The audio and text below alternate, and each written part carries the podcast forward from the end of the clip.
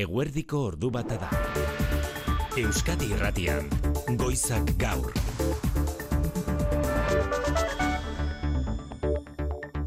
Arratsaldeon deizuela guztioi legealdia desekin eta legebiltzarreko hauteskundeak deitu aurretik, aterako da aurrera aur eta neraben eskubideak babestuko dituen Euskadiko legea nerea melgoza gizarte gaietarako zailburua. Pertsona adingabeak eskubidearen titularra bihurtzen dira.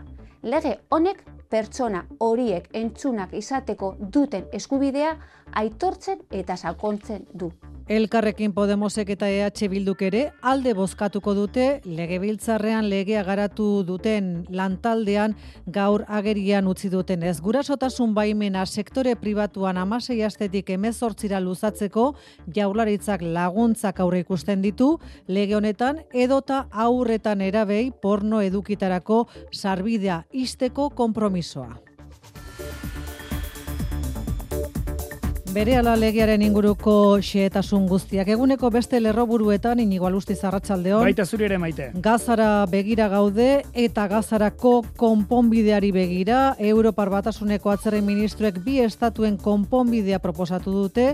Israel-Palestina gatazka konpontzeko ekialde hurbileko ordezkariekin gaur Bruselan abiadutu duten bilera errondan. Eta konponbidea bi estatuena espada alternatiba zein den galdetu dio Josep Borrell Europar Batzordeko diplomazia buruak Israelgo atzerri ministroari honekin elkartu horretik. To make all the Palestinians live, to kill of them, Palestinar guztiak bidaltzea edota hiltzea ote den alternatiba galdetu du Borrellek bileraren atarian Israel Katz atzerri ministro Israeldarrak esan duena da Israelen segurtasuna bermatzea eta baituak askatzea duela helburu Bruselara egin duen bisitak. Izan ere badakizue Benjamin Netanyahu Israelgo lehen ministroak argi utzi duela ez duela bere arabera bi estatuen konponbideak inolako lekurik.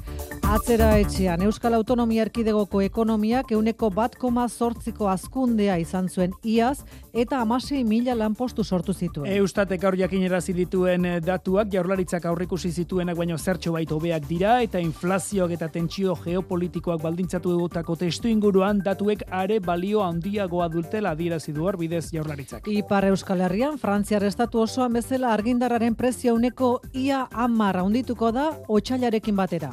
L'avons toujours dit, il s'agissait et il s'agit d'une mesure importante, mais exceptionnelle. Frantziako gobernuak iragarri baitu argindarraren kontsumoaren gaineko zerga bere aurreko mailara itzuliko dela Ukrainako gerraren arira hartutako ezoiko erabakiari amaiera emanez. Frantziako gobernuak bide batez diru laguntzak adostu ditu izurden kumaldi garaia tarteko arrantzoren debekuak kaltetutako arrantzaleentzat. Oiko irabazien euneko laurogei eta laurogeita bost artean jasoko dute kaltetuek hiru hilabeteren buruan lapurdin berrogeita hamar arrantzontzi geratu dira lehorrean bizkaian eta gipuzkoan apenas duen eraginik debekuak basurako flota geldialdi biologikoan baitago, baina kexo mintzatu zaizkigu kofradiak gauzak egiteko moduarekin. Errepidezaren nagusian egoera zein da ordu honetan anain zauzti? Barreta zortzian eibarren bi kotxeren arteko istripua izan da donostiara bidean, konpontze bidean dira sortu diren autoilarak, baina auto bat geratzen da bide bazterretik eramateko hori dela eta arretaz gidatzea askatzen du segurtasun saiak. Bilbon orduko hogeita mar kilometroko abiadura muga ezarri izanak trafiko istipu, istripu kopurua murriztu egin du 2000 eta garren urteaz geroztik, iazkoa izan da trafiko ezbehar eta zauritu gutxien utzi dituen urtea Bilbon. Hildakorik ez da izan, iriko errepidetan 2008 iruan janire gerena barrena. Bai, 2008a mila bosteun da berrogeita zazpi istripu zenbatu dira Bilbo irian aurreko urtean baino euneko bi terdi gutxiago zaurituak eragin dituzten ezbeharrak laureun da laurogeita amasei izan dira azken urteotako erregistrorik basuena amaiarregi segurtasun zinegotzia. Iaz, laureun da largota amasei izan ziren. 2008tik izan dugun zifrarik txikiena, 2008ko erregistroarekin alderatuta, biktimak eragin dituzten istripuen zifra euneko saspi baino gehiago jeitzi da. Bilbon, abiadura hogeita mar kilometro ordura murrizteak ere eragin positiboa izan duela uste dugu.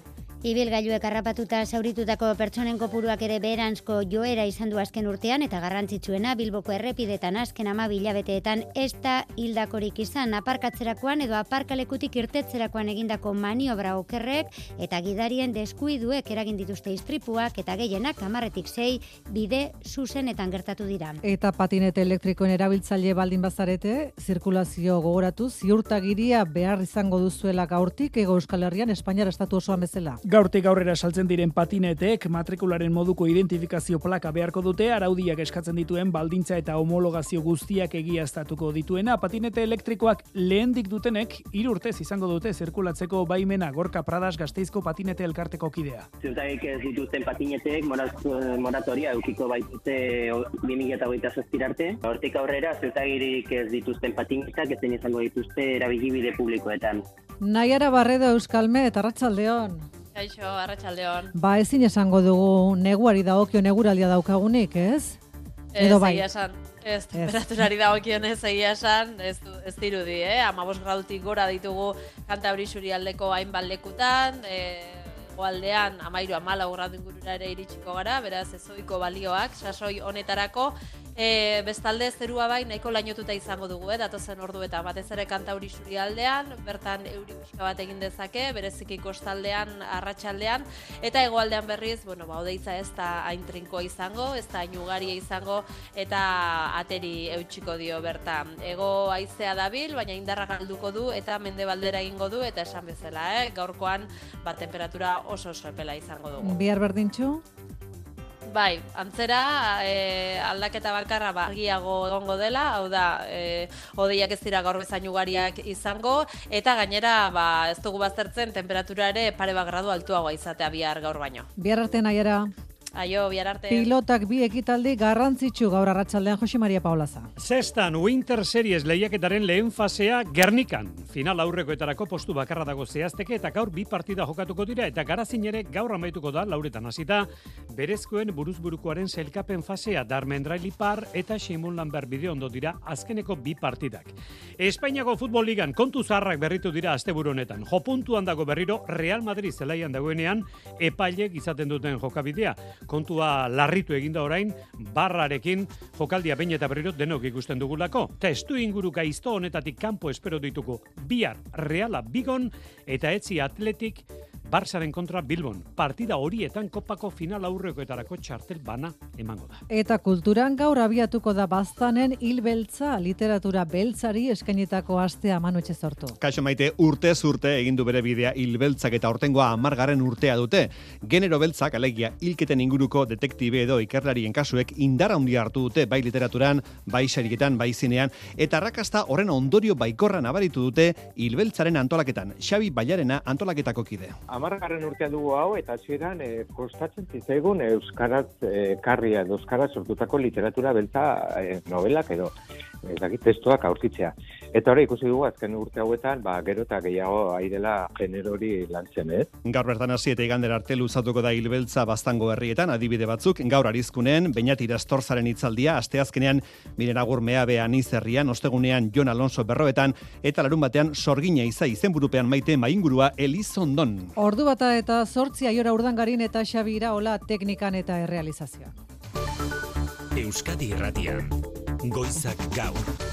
Maite Artola. Elkarrekin Podemosen eta EH Bilduren babesarekin aterako du aurrera ezusteareik ezean jaularitzak, aurretan erabean legea, otxailean bertan. Besteak beste, sektore pribatuak gurasotasun baimena amasei asteetatik emezortzira luzatzeko diru partida aurre ikusten du legeak, elkarrekin Podemosek zehaztu duenez modu progresiboan. Horrekin batera, nerabek porno edukietarako duten sarbidea mugatzeko konpromisoa jasotzen du testuak eta janari azkarra edota edari energetikoetarako publizitatean ezingo dute adingade adingabeek agertu atxonerozen arratsaldeon. Arratsalde bai legealdiaren amaierara iristen ari garen honetan egun gutxitan legebiltzarrean islatu den bigarren akordio bat da. Hoxe kasu honetan aurretan erabeak erdigunean jarri eta hien eskubideak babesteko. Indarkeria matxistaren aurrean esan dute internet eta pornografiaren aurrean edota aurretan erabeek jasotzen duten publizitatean.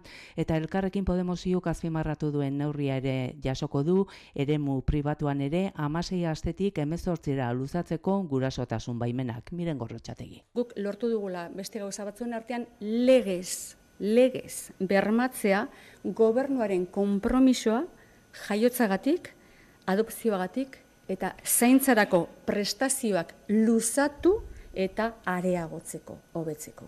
Eta hau gainera edozein dala familia mota. EH Bilduk bere aldetik adierazi duenez, beraien hainbat zuzenketa ere jaso dira legean, berdintasun eta genero ikuspegia txertatzeko edo eta aldaketa klimatikoan parte hartzeko aurretan erabeek eta publizitateari dagokionez azpimarratu dute, debekatu egingo dela janari azkar eta edari energetikoen publizitatean aur eta nerabeak erabiltzea, oian etxe barrieta. Tresnau beharrezkoa zela, lege on baten e, aurrean ginela, oinarri egokiak zehazten zituena, eta hau hobetzen saiatu gara, eta uste dugu, aurren interes eta neraben interes gorena babesteko tresna berriak jarri ditugula mai gainean, beraz, balegea, babestea erabaki dugu. Hainbat gai kanpo geratu arren bera CH Bilduk baiezkoa emango dio legeari popularrek ez dute oraingo zerabakirik hartu.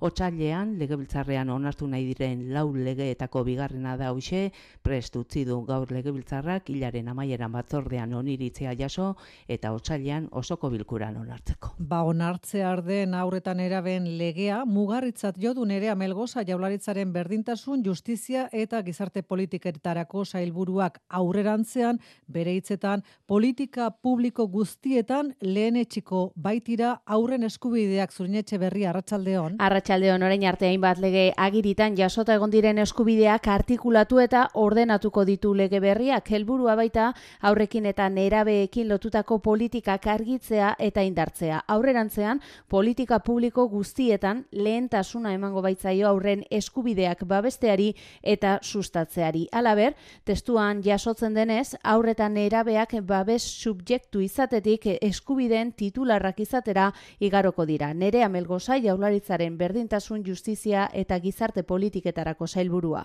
Pertsona adingabeak eskubidearen titularra bihurtzen dira. Lege honek pertsona horiek entzunak izateko duten eskubidea aitortzen eta sakontzen du. Gizartean modu autonomoan parte hartzeko eskubidea. Legeak organo eta tresna berrien sorrera ere badakar, ala nola aurretan erabentzako erakunde arteko organoa kontseilua eta foroa. Ordu bata eta amabi minutu, Euskal Autonomia Erkidegoko ekonomia uneko bat koma sortzi azizen 2008 iruan, Eustatek gaur kaleratu duen behinbeineko datuaren arabera. Gainera, estatistika erakunderen arabera amasei mila lanpostu sortu dira, iaz, ekonomiaren eta enpleguaren bilakaera hortaz, jaularitzak aurri ikusitakoa baino, apur bat hobea izan da Eustaten arabera asistoiturria gagoitea. Euneko bat koma zazpiko askundea aurre ikusi zuen jaurlaritzak iraila amaieran eta amairu mila lanposturen sorrera. Eustaten arabera ordea, barne produktu gordinaren askundea amarren bat handiagoa izan da, euneko bat koma sortzikoa, eta enpleguarena lau amarren handiagoa, euneko bat koma zazpikoa. Horri esker, amasei mila lanpostu sortu dira EAen bi mila eta hogeita iruan. Oarbide seginduen balorazioan, jaurlaritzako ekonomia sailak nabarmendu du, datu hauek balio handiago hartzen dutela testu ingurua kontutan hartuta, alegia inflazioa, moneta politika zorrotza, gatazka geopolitikoak eta oroar ziurgabetasun egoera. Azkundea hiru sektore nagusietan, industrian eraikuntzan eta baita zerbitzuetan ere, gertatu izana ere, azpimarratzekoa iruditu zaio jaurlaritzari. Datuekin jarraituz, aipatzekoa da, urteko azken hiru hilabeteetan ere, aurreikusitako baino, haundiagoa izan dela ekonomiaren azkundea euneko 0,4 laukoa aurreko iruilekoarekin alderatuta eta euneko bat koa iazko epeberarekin alderatuta.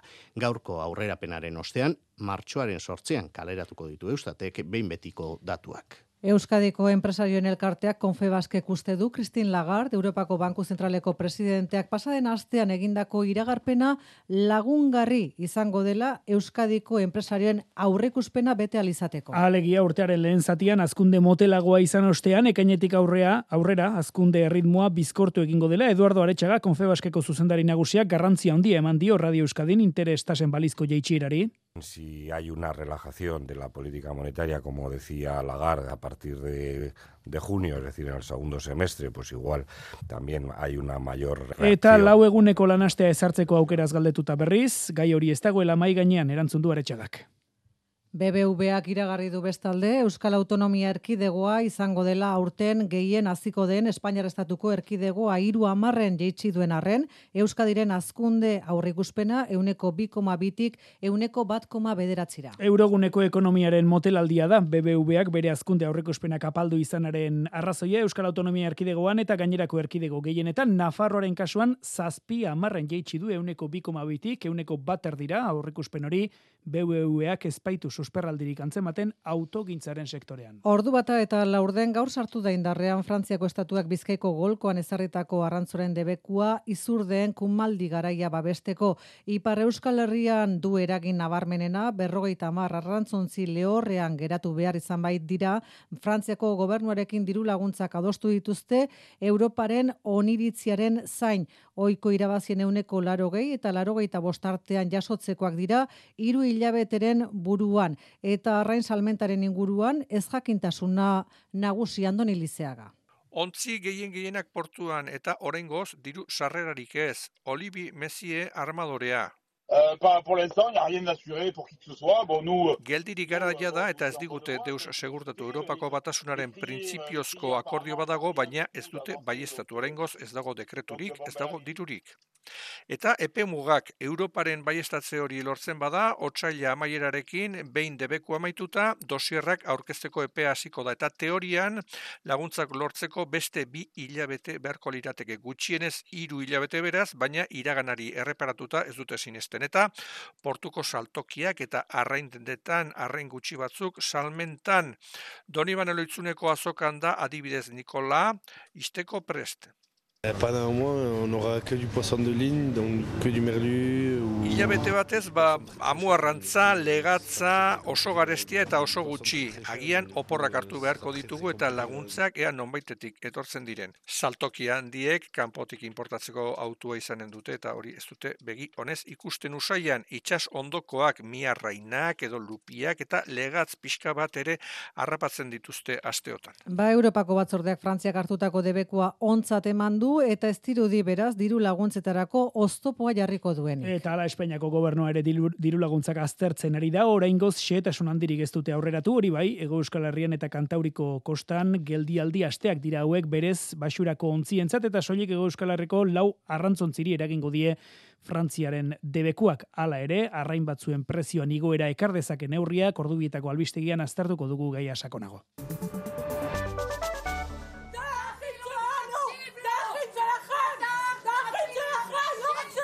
Entzuten ari zaretena jamasen eskuetan baituta dauden personen zenideen oioak dira.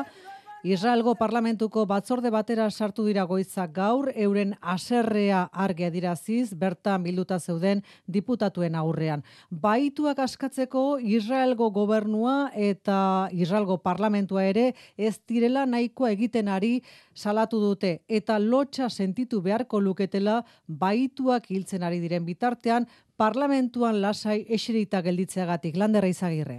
Baituen argazkiak kamisetetan eta kartelak eskutan Israelgo parlamentuko finantza batzordean sartu dira jamasek baitutako Israeldarren hogei bat zenide. Diputatuei aurpegira begiratu eta lotxa sentitzen dutela oiukatu diete batzordeko maila ere kolpatuz. Jamasek proposatutako azken trukeari esesko eman dio netan jajuren gobernuak eta horrek areagotu egindu familiartekoen etxipena eta baita azerria ere. Ze eskubide du gobernuak gure zeniden askatasuna ez negoziatzeko galdetu dute askatu guztiak orain.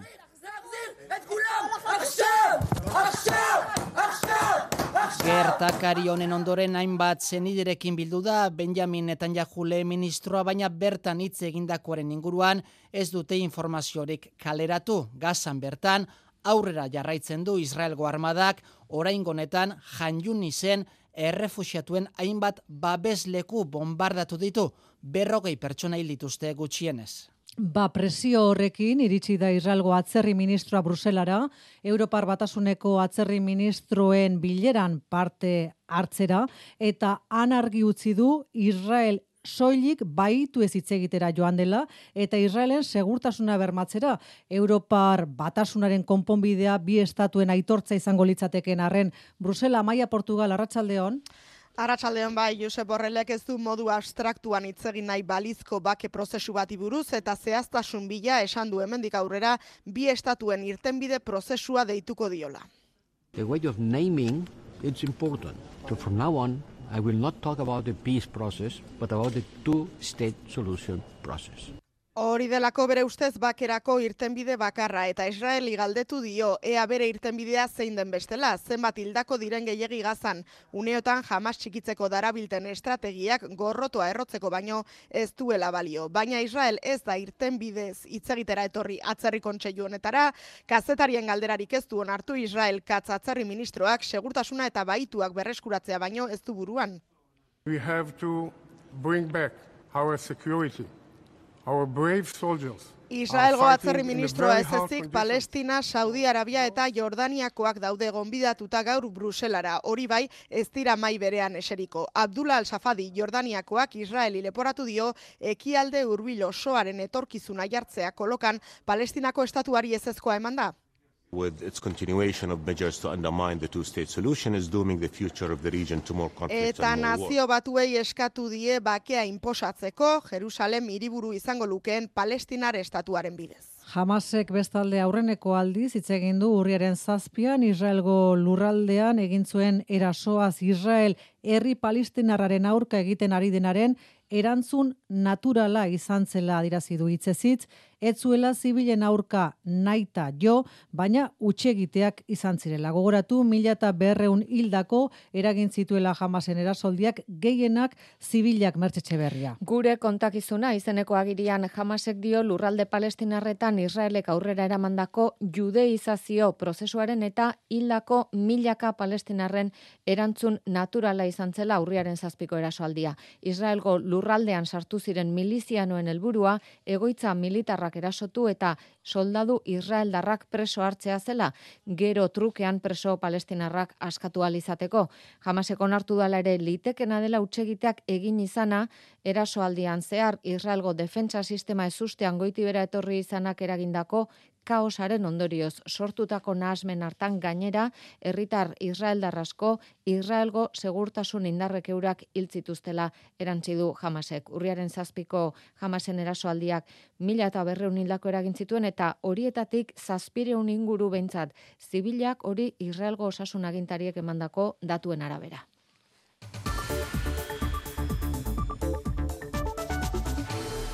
Laudioko esiko langilek salatu legez, medikuri gabe zeudela berrogeita bi urteko gizonezko bat hil eta amarregunera, etengabeko harreta gunetarako plan integrala diseinatu eta itxitako harreta guneak berriz zabaldu eta zentro guztietan gutxienez sendagile bat egongo dela bermatzeko eskatu dio ela sindikatuak gaur osakidetzari urtzi gartzia. Bai, ela sindikatuak salatu dunez, osakidetzaren kontingentzia planak ezi gehiagoaren itxiera aurri du eta irekita mantenduko dituenetan plantilla murrizketa izango da.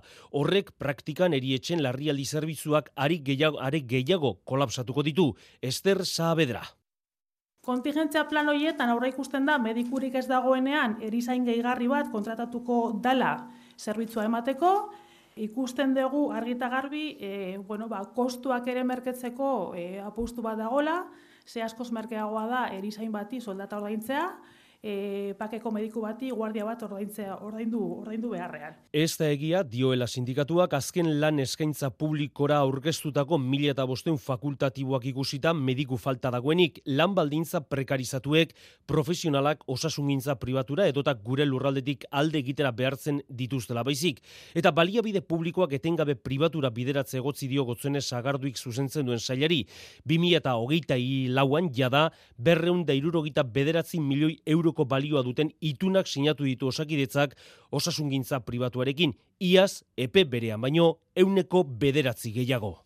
Alessandro Ionita Amorebietako gaztea jipoitu zuten gauean, berarekin zegoen lagunak deklaratu du gaur bizkeko lurralde hauzitegian egaiten ari diren epaiketan. Une batez, bi lagunak banatu egin ziren, hau komonera joateko alden zenean, baina itzulitakoan laguna nola inguratuta zegoen ikusita eta nola ari zuten kolpatzen ezin izan zuela ezer egin erasoa geratzeko kontatu du.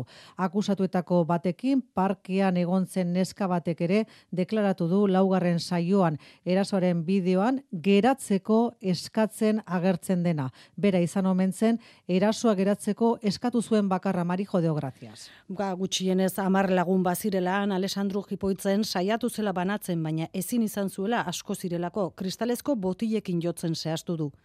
عاد بين الفيديو تما بس أنا إن شاء الله داخل خصني ندخل نرقص عاد بداو كيضربوه Él llegó a ver cuando le estaban agrediendo con botellas de cristal. Alessandro Jonitaren lagunak azaldu du elkarrekin zeudela jauregi barria parkean eta une batez bakarrak, bakarrik lagazuela komunera joateko bueltan topatu zen erasoarekin, baina laguntzerik ezin izan zuela ikusita erasotzaileak asko zirelako aldendu egin zen. Erasotzaileek alde egin zutenean joan zen laguntza eske. Bat bat bira deitu duen deitu zuen lekukoak berretsi du Alessandro konorte barik zegoela lurrean etzan da zauriekin buruan. Basakeria bat lekukoetako batek abirazi duenez.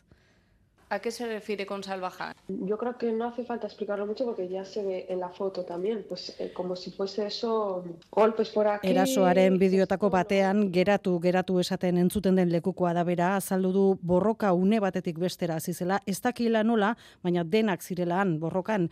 Beste bat lekukok deklaratu dute gaur eh, amore eta etxanon gau hartan beste eh, gertakarien bat gertatu zirela ere, erasoan bideoetan eh, agertzen direnek egindakoak. Biharko saioan ere lekukoen txanda izango da. Gai ezera bat aldatuta, abenduko datuen zai, 2008an lau milioi terdi bisitari jaso ditu Euskal Autonomia erkidegoak datu historikoak Javier Hurtado sailburuaren hitzetan, ez direlako soilik zenbakiak kualitatiboa ere badelako turismoaren igoera Euskal Autonomia erkidegoan. Turistak ez dira sasoi bakarrean pilatzen eta gainera oreka dago hiru lurralde historikoen artean. Urrengo erronka jaurlaritzarentzat turistek batazbeste egiten duten egunaldia, egunen laukoma lauko egunetik arago luzatzea. Maialen narratibe, larratxaldeon. Bai, arratsaldeon 2000 eta hogeita iruan laukoma bos milioi bizitariren langara iritsita, valorazio oso positibo agindu Javier Hurtado jaurlaritzako turismo sailburuak, 2000 eta hogeita biko turistako purua euneko sortzi koma sei azidelako, baina pozik bereziki turismoa orekatzen ari delako urteko osasoi guztietan. Que la situación de la industria turística es la mejor de su historia. Pero lo más importante es que crecemos de una forma desestacionalizada. Eta oinarri sendo horretatik esan du orain helburua dela txoko ez ezagune eta ez ezagunagoetara erakartza bisitariak eta batez beste lau egunekoak izaten diren egunaldiak luzatzea. Ba, hain zuzen horretarako etzi Madrilen astekoa den fitur azokan aurkeztuko dute Grand Tour Euskadi izeneko ekimena. This town welcomes you with open arms. This is Country Grand Tour. Zortzi etapako bidaia eskainiko zaio horrela bisitariari, esan bezala hiriburuetatik eta kostaldetik arago horren ezagunak ez diren guneak indartzeko eta eskaintza turistikoa zabaltzeko. Horien artean daude adibidez, Bilbo eta Lekeitio arteko ibilbidea edo Gasteiz eta Laguardia artekoa. Donostia Nafarroa iribideko espaloitik zuaitzak mozten hasi dira goizean Baskulinare Center berria eraikitzeko lanen testu inguruan. Lanak segurtasunez egiteko kendu dituztela eta ondoren ordezkatu egingo dituztela jakinarazi dute Baskulinari Centerreko iturriek, baina sos manteo elkarteak salatu du zuaitz horiek ez zituztela ukituko agindu zietela informazio bileran ekaitzagirre dago Nafarroa iribidean aurrera ekaitz. Arratxaldeon maite, goizean hasi dira bai hemen, Nafarroa etorbidean espaloian zeuden, zuaitzak mozteko lanetan, zeuden diogu dagoeneko kendu dituztelako espaloitik zuaitz horietako gehienak. Hemezortzi izango dira guztira, Bask Kulinari Zenterreko ordezkariek azaldu dute, obrak segurtasunez egiteko udaletik egin dieten ohartarazpenari segiz ari direla lanean, eta udalak erabaki moduan ordezkatuko direla ondoren zuaitz horiek beste batzurengatik. Sos Manteo plataformak bere aserrea adirazi du diotenez Amena Barrek eta Baskulinari Zenterrek bizilagunekin egindako informazio bileran zuaitzak ez zituztela moztuko esan zieten. Elena Duran plataformako kidea da. Pentsatu dugu atera batean, ari zirela zuaitzoiek ateratzen birlandatzeko ideiarekin, baina gero ikusi dugu ez ez, osea, motozerrak hartu, rirrao eta epurditik e, eh, bota dituztela. Ba, gaude eskandalizatuta ez dakigu zergatik egin duten, zeinek baimendu duen, udalak ez du erantzuten. Udalari galdera, helarazi dio plataformak, guk ere egin dugu galdera, udaletik erantzuna, ezer ez dutela esateko obra ez delako haiena. Eskerrik asko ekaitz eta honela iritsi gara arratsaldeko ordu bat aterdietara.